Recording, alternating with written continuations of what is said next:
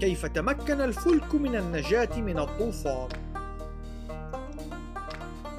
أفادت خلاصة دراسة أجراها مهندسون بحريون أن الفلك الموصوف في الكتاب المقدس هو أحد أكثر الأشكال استقرارًا للتعامل مع الأمواج العاتية في محيط هائج. كان سيبقى بوضع معتدل في ظل أقصى الظروف، بخلاف السفن الشراعية التي تعود إلى القرون الوسطى، فإن الفلك لم يكن بحاجة للسفر إلى أي مكان. الحاجة هي أن يبقى طافيًا. ربما تكون الأطراف ذات الانحناءات البسيطة قد حسنت من تعامل الفلك مع الأمواج العاتية، مما يضعف من احتمال استدارة الفلك ليتخذ وضعًا جانبيًا موازيًا لخط الأمواج.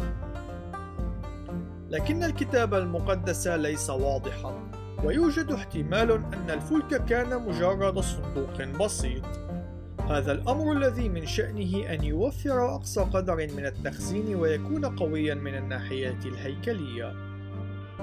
قال النقاد أنه من غير الممكن لسفينة خشبية بهذا الحجم أن تكون قوية بما فيه الكفاية، لكن هذا ليس صحيحا، إذ أنهم كانوا يفترضون بشكل خاطئ أن الفلك كان مجرد نموذج أضخم من إحدى السفن الشراعية التي تعود إلى القرن التاسع عشر حيث أن الخطر الأكبر ينجم من الصاري والأشرعة حيث أنها تزيد من ذراع العزم لقوة الرياح مما يتيح عزم دوران كبير قد يتسبب بانقلاب السفينة. كان لديهم نقاط ضعف خطيرة أخرى فيما يتعلق بالكوى أي النافذة. كما أن الإطار الخشبي للهيكل ليس قويا بما فيه الكفاية.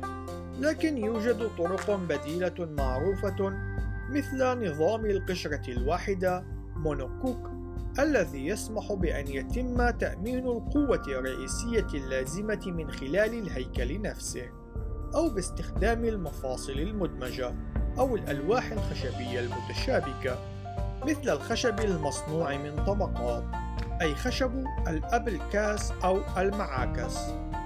وبالتالي سيكون من الممكن أن يتم بناء هيكل وفق الأبعاد التوراتية ويكون متماسكا وقادرا على التعامل مع الضغط.